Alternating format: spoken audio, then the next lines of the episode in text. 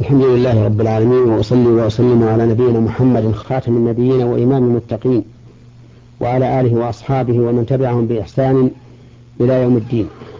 أما بعد أيها المستمعون الكرام فهذه الحلقة الثانية والعشرون بعد المئة من حلقات من أحكام القرآن الكريم.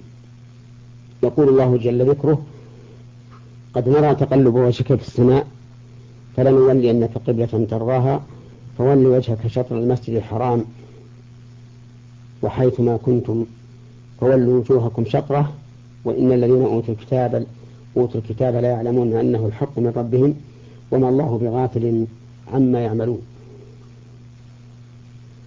قد نرى جملة فعلية مؤكدة بقد والرؤية هنا رؤية بصر. وتقلب وجهك في السماء هو أن النبي صلى الله عليه وسلم كان يقلب وجهه في السماء ترقبا لنزول الوحي بأمره باتجاه بالاتجاه إلى الكعبة المعظمة. قال الله تعالى فلنولينك قبلة ترضاها.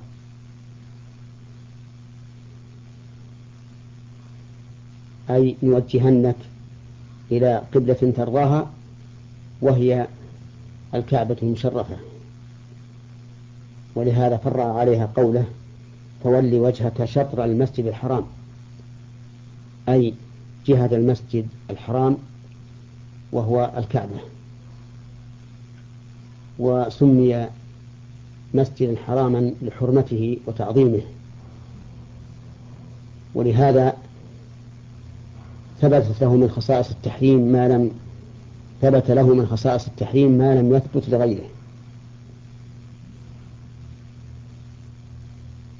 ثم قال تعالى وحيثما كنتم فولوا وجوهكم شطره. يعني في أي مكان كنتم من مشارق الأرض ومغاربها فولوا وجوهكم شطره. والخطاب هنا للأمة عموما والخطاب الذي قبله لرسول الله صلى الله عليه وعلى آله وسلم وذلك أن الخطاب الذي للرسول صلى الله عليه وعلى آله وسلم خطاب له وللأمة كما سنذكره إن شاء الله قريبا. وإن الذين أوتوا الكتاب لا يعلمون أنه الحق من ربهم. الذين أوتوا الكتاب هم اليهود والنصارى. لا يعلمون أنه أي ما حصل من الاتجاه إلى الكعبة الحق من ربهم.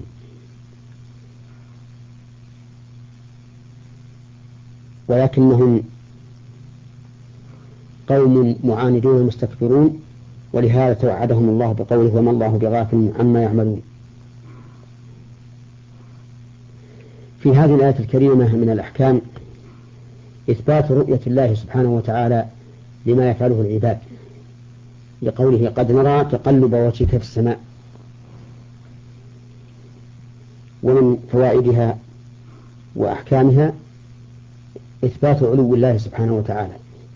لأن النبي صلى الله عليه وسلم يقلب وجهه في السماء ترقبا لنزول الوحي من الله سبحانه. وعلو الله سبحانه وتعالى في السماء أمر مفطور عليه الخلق. ودلت عليه الشرائع والعقول.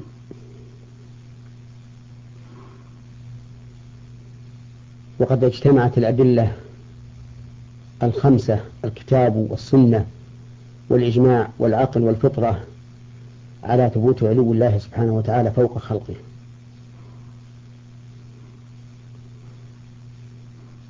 وقد قسم العلماء رحمهم الله العلو إلى قسمين.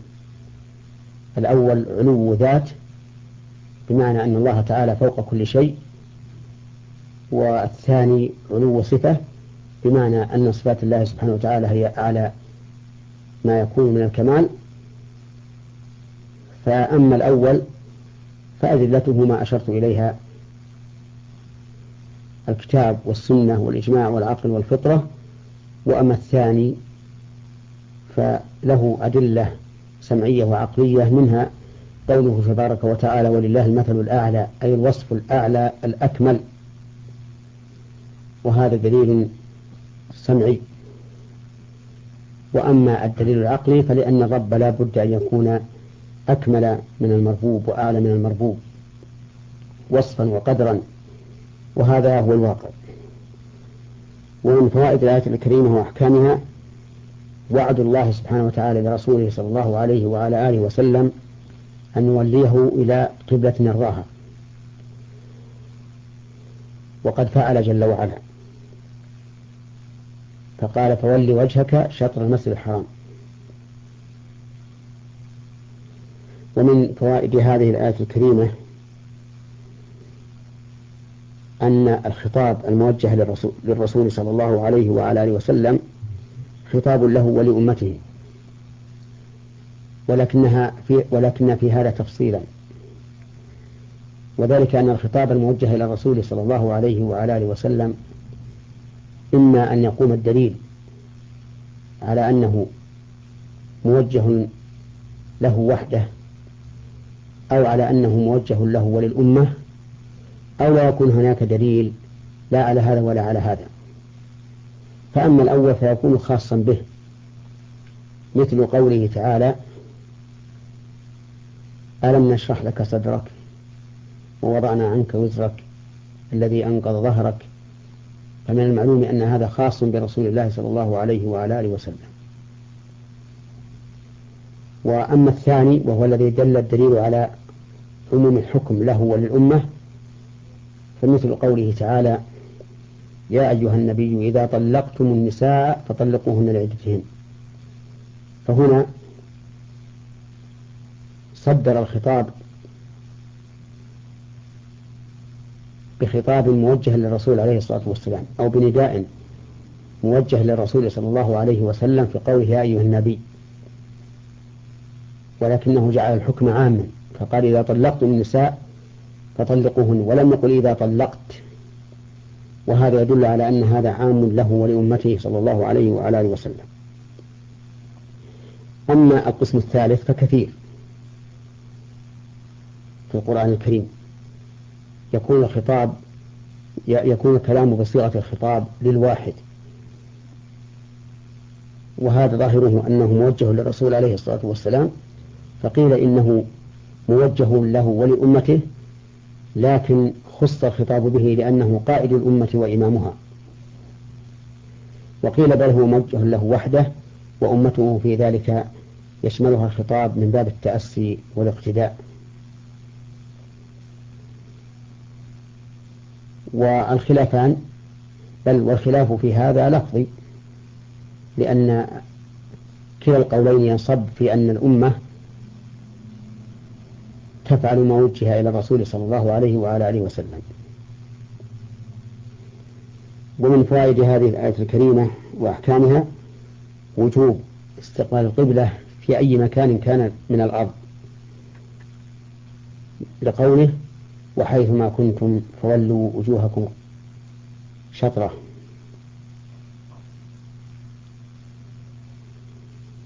ومن فوائد هذه الآية الكريمة وأحكامها أن الواجب الاتجاه إلى الجهة لا إصابة العين. لقوله شطر المسجد الحرام أي جهته. وهذا ما لم يتيسر استقبال العين فإن تيسر استقبال العين كان واجبا. ومن المعلوم أن من كان في المسجد الحرام يتيسر له أن يتجه إلى عين الكعبة لأنه يشاهدها. ومن كان خارج المسجد الحرام وليس عاليا ينظر إلى الكعبة فإنه لا يمكنه أن يشاهد الكعبة فيكفيه الاتجاه إلى الجهة. والجهة واسعة. وكلما بعدت المسافة اتسعت الجهة. ولهذا قال العلماء رحمهم الله إنه لا يضر الانحراف اليسير عن القبلة. وإنما الذي يضر أن تكون القبلة عن يمينك أو عن شمالك أو خلف ظهرك. أما الانحراف اليسير فإنه لا يضر واستدلوا لذلك بقول النبي صلى الله عليه وعلى آله وسلم ما بين المشرق والمغرب قبلة يقوله لأهل المدينة ومن, سم ومن كان على سمتهم. وبقوله صلى الله عليه وعلى آله وسلم لا تستقبلوا القبلة بغائط ولا بول ولا تستدبروها ولكن شرقوا أو غربوا. ويستثنى من وجوب الاتجاه إلى القبلة يستثنى ثلاث مسائل. المسألة الأولى عند الخوف. إذا كان الإنسان هاربا من عدو فإنه يصلي حيث كان وجهه. والمرض إذا كان الإنسان مريضا ولا يستطيع أن يتوجه إلى القبلة بنفسه ولا بمن وجهه فإنه يصلي يصلي حيث كان وجهه. والثالث النافلة في السفر فإن الإنسان يصلي على راحلته من سيارة أو بعير أو طائرة حيث كان وجهه لأن النبي صلى الله عليه وعلى آله وسلم كان يفعل ذلك. أما الدليل في المسألتين الأوليين الخوف والمرض فهو قوله تعالى فاتقوا الله ما استطعتم. ويستثنى أيضا مسألة رابعة لكنها آه، مقيدة وهي ما إذا جهل القبلة في البر واجتهد وصلى إلى الجهة التي أداه أداه اجتهاده إليها ثم تبين له بعد ذلك أنه ليس إلى القبلة فإن صلاته صحيحة لأنه فعل ما يستطيع فعله وقد قال الله تعالى لا يكلف الله نفسا إلا وسعها فهذه أربع مسائل تستثنى من وجوب الاتجاه إلى الكعبة. ولم نتمكن من إتمام الكلام على هذه الآية الكريمة لضيق الوقت وإلى حلقة قادمة إن شاء الله. والسلام عليكم ورحمة الله وبركاته.